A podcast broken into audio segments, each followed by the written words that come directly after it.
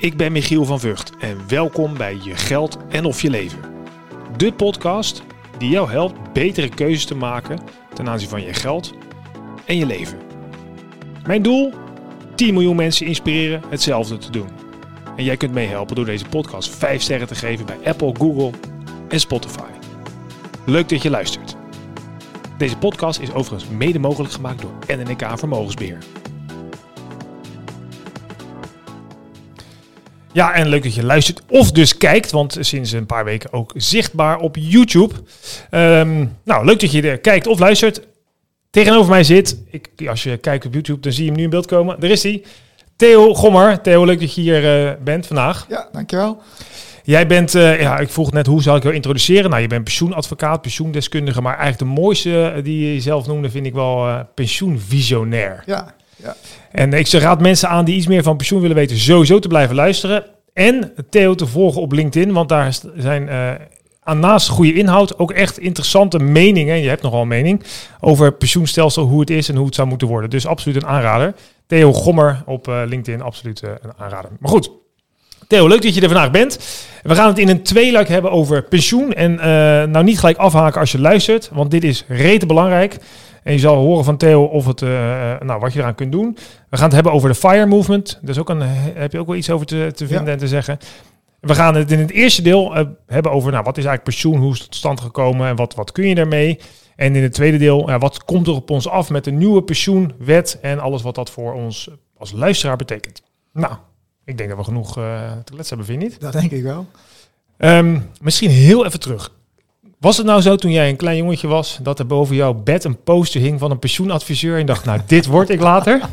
Nee, ik, uh, ik ben gewoon een boerenzoon uit de Slagharen, maar boer worden zat er niet in. Toch maar rechten gaan studeren, dat vond mijn vader in ieder geval ook leuk.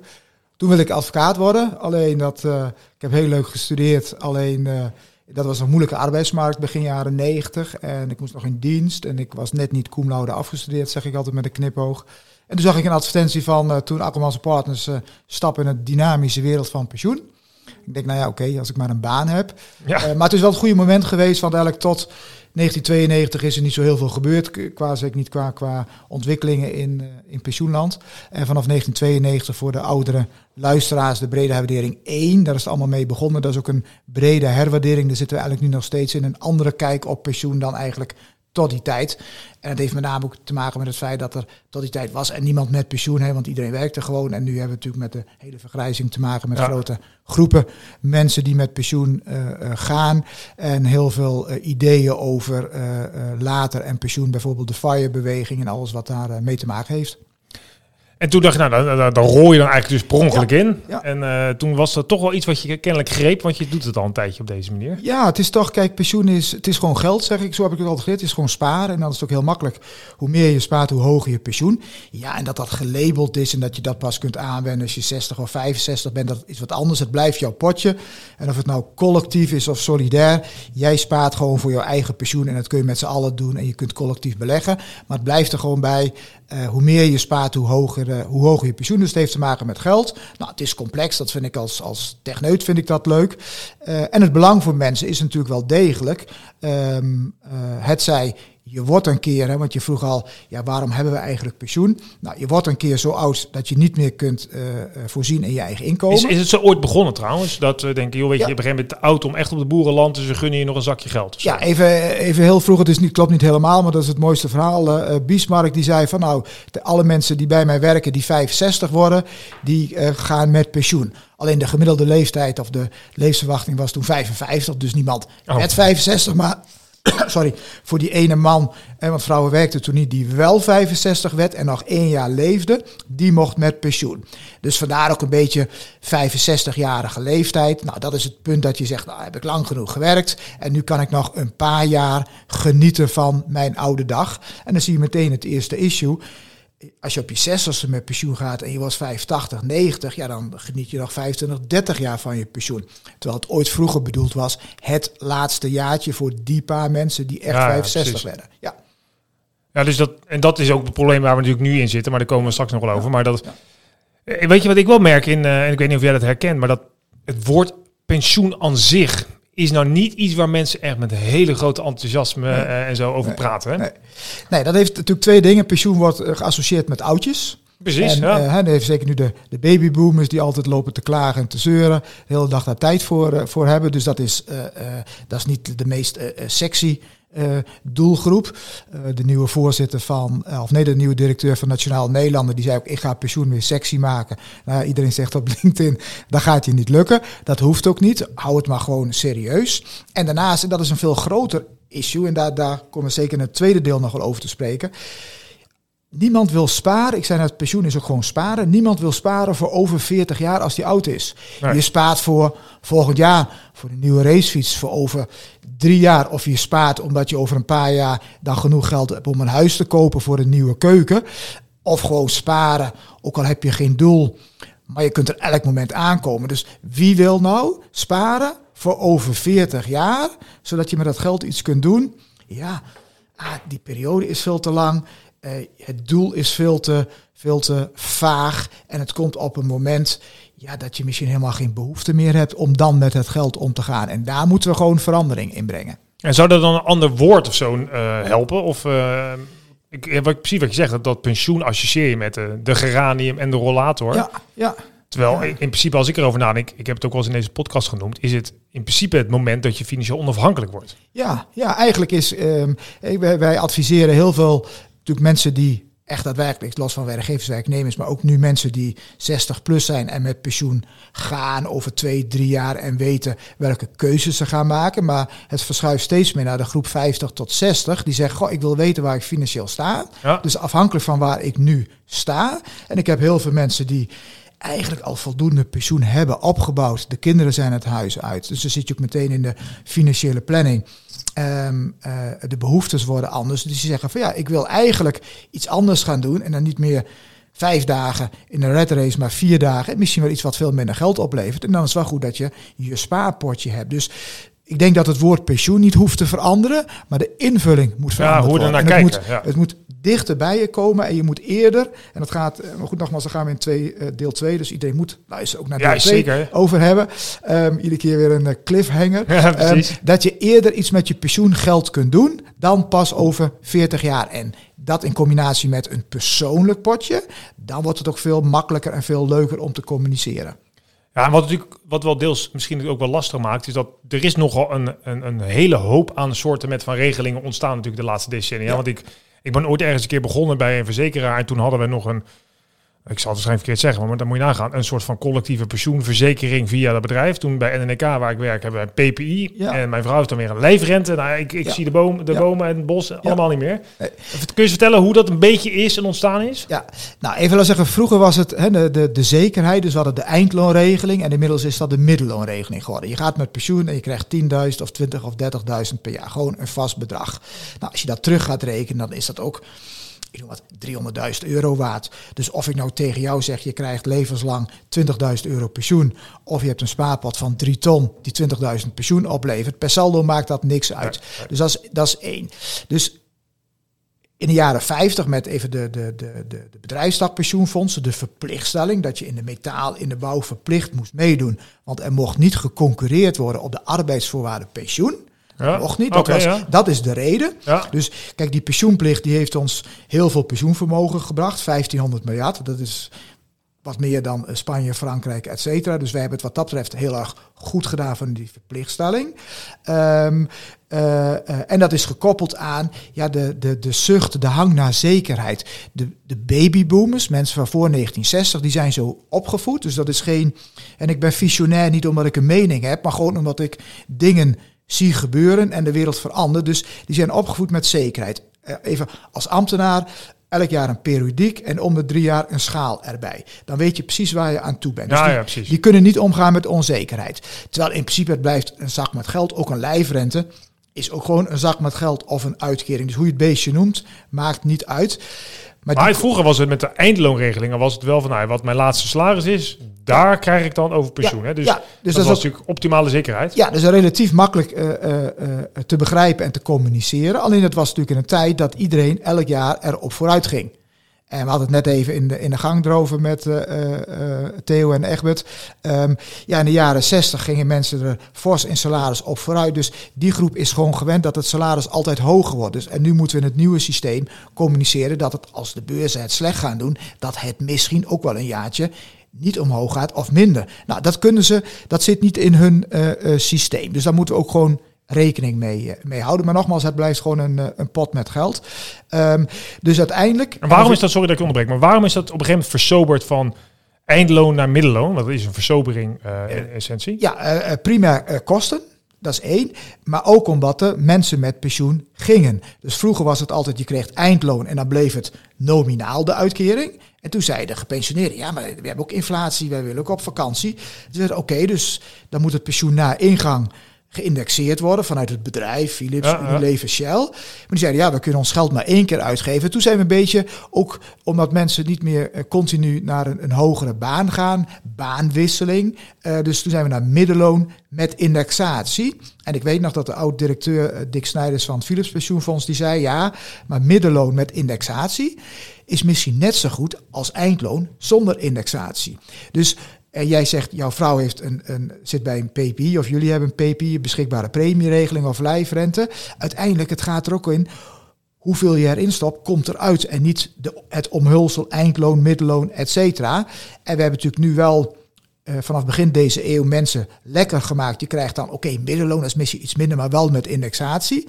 En vervolgens, ik, ik hoorde Peter Borgdorf van, van Pensioenfonds Zorg en Welzijn bij Nova nog zeggen, ja, de komende 15 jaar kan er waarschijnlijk, zei hij in 2008 na de financiële crisis, niet geïndexeerd worden. Ja, maar jij dan net 65 bent, heb je 40 jaar betaald voor de worst indexatie. Ja, ja precies. En uh, het is niet eens meer 65, maar 66, 67, 68 en geen indexatie, net in jouw periode. Dus als ik dan hoor, we moeten pech- en gelukgeneraties voorkomen, nou dat zit in het huidige systeem ook niet, is dat ook niet opgelost. Dus dat is geen argument om niet over te gaan naar iets anders. Nee, want maar ik hoor dat ook wel. Want ik weet nog, mijn schoonvader zei, ja, ik heb altijd betaald voor de, voor de vut van anderen. Ja, dat klopt. Dat is niet eerlijk. Ik nee. heb het nooit. Ja. Ik, ik moet gewoon doorwerken. Weet ja, je wel? Nee, dat, dat, dat, klopt. FUT is eigenlijk net als onze AOW. Je betaalt voor degene die nu met de FUT gaan. En in die tijd, begin jaren 70, was dat. Ouderen gingen met de FUT zodat jongeren konden werken.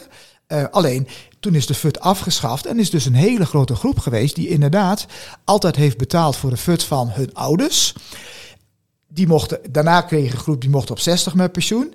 En dan moet je opeens op 65 of op 67 of 68 met pensioen. Zonder indexatie. Ja, even dus dat babyboomers nu kwaad zijn, dat snap ik heel goed hoor. Zou ik ook zijn. Het is ja. ook niet eerlijk. Hè? Ja. Het is eigenlijk gewoon ja. hartstikke oneerlijk allemaal. Nou ja, het, het, is, het is niet goed gecommuniceerd. Nee. En uh, gevoelsmatig is het niet eerlijk. Terwijl als je zegt, ja, maar die mochten studeren zonder studiefinanciering. Die kochten goedkope premie, A-woningen, et cetera. Dus je moet wel natuurlijk een beetje... En het, het, CB, of het CPB heeft wel eens berekend... Ja, elke generatie krijgt ongeveer hetzelfde uit, laten we zeggen even, de collectieve ruif. Alleen iedereen vindt zelf dat hij natuurlijk heel zielig is en nadeel heeft gehad. Maar dat is dus niet zo. Nee, dus, dat valt eigenlijk wel reuze mee. En is het nou zo dat de generatie... Uh, ik ben dan... Uh, ik ben in principe ook alweer een beetje oud aan het worden. Maar ik, ik laat zeggen dat ik ben 42. Ja. Ben ik nou uh, minder goed af dan de generaties voor mij? Nee. Of kan dat niet zeggen? Kijk, je bent waarschijnlijk later begonnen met werken. En dus even de, de babyboomers en met name daarvoor op een 15, 16, 17e. Ja. Veel bijstuderen in de avonduren, dat is ook gewoon zo. Um, uh, wij zijn later begonnen. Ik, ik moest nog in dienst. Ik ben ook pas begonnen met werken toen ik 25 was. Nou, als je dan weet dat de AOW vroeger opgebouwd werd als het ware van 15 tot 65. 50 ja, jaar. 2% per en dan, jaar. En nog even afgerond 10 jaar leven in de jaren in, in 1957. En toen zei Drees al, onze minister-president, oké, nu staat de pensioenleeftijd op 65, maar als we ouder worden, moet je omhoog. Nou, we worden toch veel ouder. Dus ik ben op 25 begonnen. Dan is het toch logisch dat ik nou, in ieder geval tot 70 en waarschijnlijk wel tot 75 kan werken. En dan leef ik nog 15 jaar. Dus, en als je dat niet wilt, ja, dan moet je of meer sparen of later zuiniger leven. Dus dat is toch een beetje de keus. Dus uiteindelijk is onze generatie, ik ben al wat iets ouder, uh, 56, uh, is onze generatie vergelijkbaar af. Alleen we zijn later begonnen en we gaan later met pensioen, maar we leven ook langer en vooral ook in betere gezondheid. Dus wij kunnen veel meer genieten van ons pensioen gezien onze nou ja, kantoorbanen. In Ja, plaats van op die vijftiende in de, in de mijn of op het land natuurlijk. Ja. Ja. Hey, dus we hebben in principe, dat weten de meeste mensen, hoop ik wel, allemaal een AOW. Dus van de overheid krijgt Ja. iedereen, iedereen hetzelfde. eh, Ja. eh, woon je samen, krijg je eh, Ja. nou, eh, dat, dat is voor iedereen geregeld. Dan was het vroeger wat je net zo schetste, dat iedereen die ergens werkte, had bijna een collectieve regeling bij, via het bedrijf. Ja. En dan was het misschien niet eens nodig om nog zelf wat te regelen, want dan Nee. was het wel op orde. Ja, nee. Eh, Dus- dat is nu anders, hè? Ja, dus lijfrente was echt bedoeld voor nou, de, de zelfstandig ondernemer. Dat waren er niet zoveel. De, de directeur, groot aandeelhouder, maar die kon ook nog pensioen in zijn eigen BV op, eh, opbouwen. Maar inmiddels zien we natuurlijk, ik heb het net deze week eh, weer gezien, er zijn bijna eh, 1,5 miljoen ZZP'ers. Ja. Ja, dat zijn natuurlijk ehm, eh, eh, geen echte ondernemers. Eh, zijn eigenlijk gewoon zelfstandige werknemers, maar die hoeven dus geen pensioen op te bouwen. Maar dat is wel een, van de 10 miljoen werkenden best een grote groep. En er zijn inmiddels ook meer dan een miljoen werknemers. Dus samen is dat 25 tot bijna 30 procent van alle mensen die werken en toch geen pensioen opbouwen. eh, omdat ze werken bij een klein bedrijf, in de IT, in een consultancy, in eh, nou, de Booking.com, de IT-bedrijven. Dus daar moet wel een oplossing voor gevonden worden. Dus eh, dat is ook onderdeel van, van dan, de nieuwe wet toekomstpensioenen. Hoe gaan we om met een grote groep werkenden, werknemers zonder pensioen of ZZP'ers, die wel werken, dus inkomen uit arbeid hebben, maar geen pensioen opbouwen. Moet je dan komen tot een pensioenplicht of moet je het anders gaan regelen? Dus de, zeg maar vanaf eh, de jaren 50 zijn steeds meer mensen, en niet alleen in de bouw, in de metaal, eh, dus in, de- in, dat soort branches, eh, pensioen gaan opbouwen. Maar inmiddels is dat aan het afkalven. En ik zie bijvoorbeeld heel veel accountantskantoren die zeggen, wij geven gewoon een, een bedrag extra en mensen moeten het zelf Ja, precies. regelen. Ja. Ja, Ja, dat is wel iets van Ja. verandering. En dat is een beetje onderdeel van de participatiemaatschappij, vermoed ik. ja, ja. Meer zelf doen. Ehm. Of dat nou helemaal verstandig is, weet ik eigenlijk niet. Want ik kan me voorstellen dat een groot aantal mensen ook denkt... nou, dat is lekker, elke maand wat Ja. extra. ja, ja. Nou, is, Eh, ik ga maar eens even, eh, weet ik veel, Ja. uit eten. Of inflatie, Ja. of energierekening. het eten, nieuwe velgen kopen voor je auto. Zeker, skiën, belangrijk. Dat zijn belangrijke is niet dingen, belangrijk. Dus daar zul je een oplossing voor moeten zoeken. Dat staat ook in de perspectiefnota uit 2016. Een goed pensioen voor alle werkenden. En daar hoort eigenlijk dan een pensioenplicht bij. Met, even, met die verstande dat... Dat is onderzocht ook door ehm, het Sociaal Cultureel Planbureau. Dat je van de AOW kunt leven. En toch even een nuance. De AOW is altijd geïndexeerd met inflatie. En die gaat per 1 januari met 10% omhoog. Dus de meeste mensen, zeker de mensen die eh, bijvoorbeeld uit de metaal nu met pensioen zijn, die krijgen minder pensioen dan AOW. Maar de AOW is altijd geïndexeerd. Ja, ja, dus dus de mee, helft ja. van hun pensioen is altijd normaal geïndexeerd. Maar is, hoor ik je nou zeggen dat, dat je in de basis zou moeten kunnen leven van de AOW alleen? Ja, ja, als je niet, want het probleem zit altijd in de woonlasten. Ik, ik las Ja. laatst ook een stel, toevallig hier in Amsterdam. En dat ooit een eigen bedrijf gehad, is niet goed genoeg gegaan, dus weinig of geen, geen spaargeld. En die zeiden, ja, we zijn twintig jaar geleden begonnen in een, in een op zich leuk appartement, eh flatje van 550 euro huur. En nu is het 1100. Ja, en als je dan alleen AOW hebt, dat kan dus niet. Maar als jij normale woonlasten hebt, en daar zit de crux. Ja, en dan, en dan niet een inflatie zoals nu van 10%, dat, dit- maar dat is uitzonderlijk. Dan kun je daarvan leven. Niet leuk. Je kunt niet op vakantie, Nee, je kunt niet roken, je kunt niet op het terras gaan zitten, want het is stinkend duur geworden. Zoals ik vind dat altijd, denk ik, jeetje, wat moet ik daarvoor je voor betalen? Dan maar geen bitterballen, of in ieder geval minder. Ja. Ehm, eh, eh, eh, maar goed, daarvoor dus is het goed dat mensen, zeg ik altijd nog een keer, naast de AOW eenzelfde potje hebben aan pensioen. Dan heb je eigenlijk twee keer de AOW. En daarboven is het wat minder spannend. En we hebben niet voor niks natuurlijk de aftopping gehad op, op een maximaal pensioengevend salaris van, van toen 100.000 euro in 2015 en nu 112.000. Want daarboven, ja, dan hoef je niet te sparen. En dat, dat kun je, ik zeg altijd, eh, toen zei ik tegen een klant, als je eh, een ton kunt verdienen, dan kun je voor het, het inkomen daarboven ook zelf sparen. Ja, dan kun je wel Eh, zelf wat ja, regelen. Ja, Ja. Dus, maar goed, dat, is- dat is misschien 5% van alle Nederlanders. De bulk zit daar gewoon tussen. Dus tot 100.000 euro een normale pensioenopbouw. En dan bijvoorbeeld de OESO, die zegt internationaal een, een vervangend inkomen 45 tot 50%. Dat is voldoende. Afhankelijk weer van, heb je nog kinderen, je woonlasten. Want als je dan een deels afgelast eigen huis hebt en de kinderen zijn de deur uit, kun je riant leven natuurlijk. Hè? Ja, precies. En kun je ook nog eens uitleggen hoe dat dan zit? Want nu, er is afgelopen jaar ook heel veel te doen geweest over dekkingsgraden. En nou ja, voor de uh, nitwit, zeg maar, laat ik mezelf daar onderscharen, denk ik, ja, wacht even. Er staat meer dan 100% uh, Ja. van het kapitaal dat nodig is. Wat is het probleem? Waarom wordt het niet gewoon geïndexeerd, uitgekeerd? Ja. Waarom? Waarom Ja. korten? Ja, nou even stap 1 is als het onder de 100% is. eh, met 100% is eigenlijk, dan heb ik precies genoeg in kas om alle mensen die nu met pensioen zijn, dus eh, meneer of mevrouw Jansen van 85, maar ook ehm, eh, Michiel van Vught van eh, 42 en ook de jongste bediende hier bij eh, NNEK die 25 is en pas over 40 jaar of 50 jaar met pensioen gaat en dan nog 30 jaar leeft. Dus voor over 80 jaar hebben we voldoende geld in kas. Even Maar dat is de 100%. ja, dat is 100%. Dus als je minder hebt, moet je korten. En als je meer hebt, kun je gaan indexeren. Maar eh, eh, we willen wel een buffertje. Dus de grens is altijd geweest. Vroeger 105%.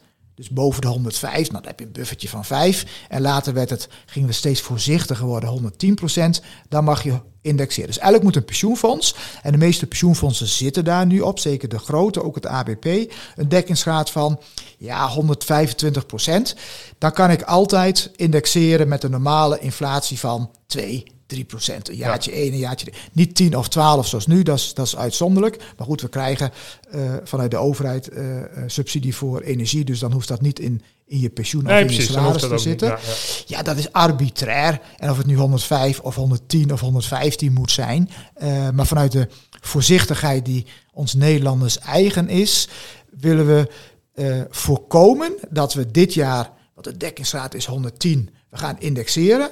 Dan klapt de beurs in elkaar en zitten we op 98 en dan moeten we 2% korten. Dat vinden we vervelend. Dus we, we- maar we zijn te voorzichtig geweest de afgelopen 15 jaar, heb ik ook altijd gezegd. We hadden best wat meer risico mogen nemen, uitgaande dat we voldoende rendement zouden blijven maken. Alleen ja, daar is de wetgeving niet op ingericht. Nee, dus nu krijg je natuurlijk een beetje de, de nou ja, of het paradoxaal is, weet ik niet. Maar wel voor mensen denken, ja, de beurs heeft de laatste jaren ontzettend goed gedaan. Ja. Maar een lage rente, dus ja, Ja. Mogen we, hè, met die rekenrente was ook zo'n ding. Ja. Mogen we niet, en mogen we eigenlijk geen hogere buffer eh, begroten. ja, En eh, nou, gaan we toch maar korten, ondanks dat het best wel goed ging overal. ja, ja. En dat, dat valt natuurlijk niet uit te leggen. Ja, het valt wel uit te leggen, maar het valt niet wel rationeel te Ja, begrijpen, maar niet rationeel. gevoelsmatig. Terwijl het nu net andersom is, omdat de rente stijgt.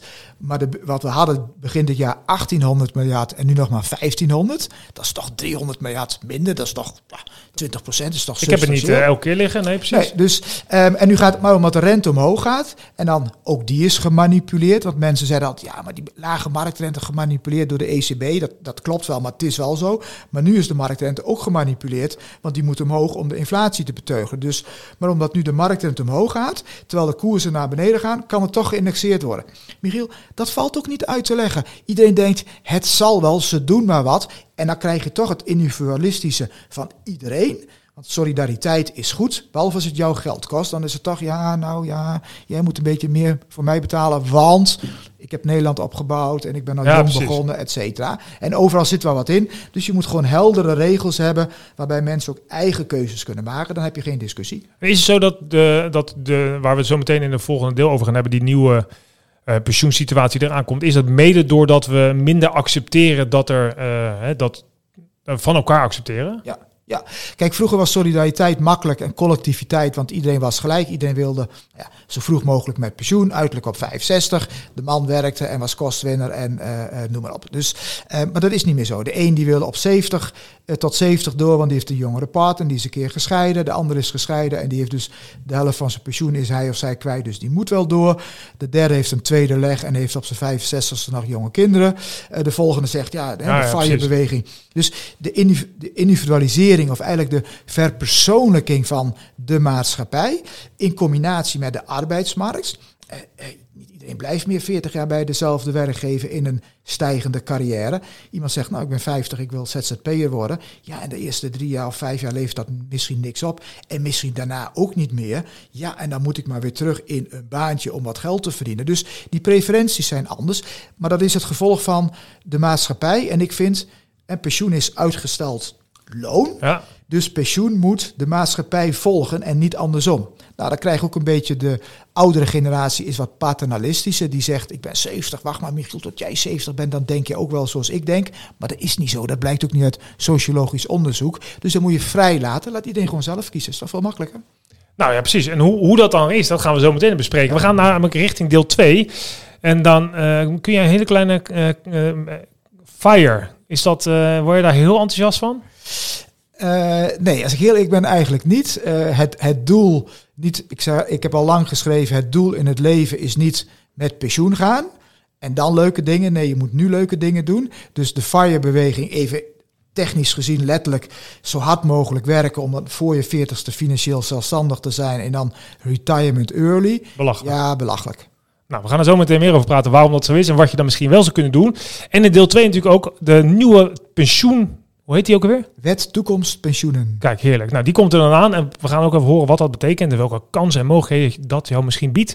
Wil je nou al nu meer weten hoe het zit met je pensioen? Eh, nou, Theo Gommer op LinkedIn, maar sowieso ook googelen, want um, Theo heeft in zijn bedrijf ook adviseurs die kunnen helpen bij pensioeninzicht. Pensioenadvocatuur is er ook, dus ook als het uh, met regelingen voor bedrijven vermoed ik, ja. kunnen jullie helpen. Um, de Gommer Pensioengroep en, ja. en Pensioenadvocatuur. Ja. Zeg goed, hè? Nou, voor nu bedankt voor het luisteren. Ik zet er even de, de eindtune aan, hè, voor de mensen die er gewend zijn. Dat is altijd wel lekker. Mocht je nou deel 2 uh, straks pas gaan luisteren, of je luistert hem al gelijk. Deel deze sowieso, want het doel is natuurlijk om 10 miljoen mensen te bereiken, betere keuzes te laten maken als het gaat om hun geld en het leven. Uh, dus uh, plaats ook je vraag en commentaar onder de YouTube-video of geef een rating ergens waar dat kan. Dat zal onwijs helpen en leuk zijn. Dankjewel daarvoor. En volgende week de nieuwe aflevering, mocht je dit vandaag luisteren en is het al volgende week geweest, dan kun je gewoon gelijk door met de volgende aflevering. Dat is weer het voordeel. Nou, tot zometeen.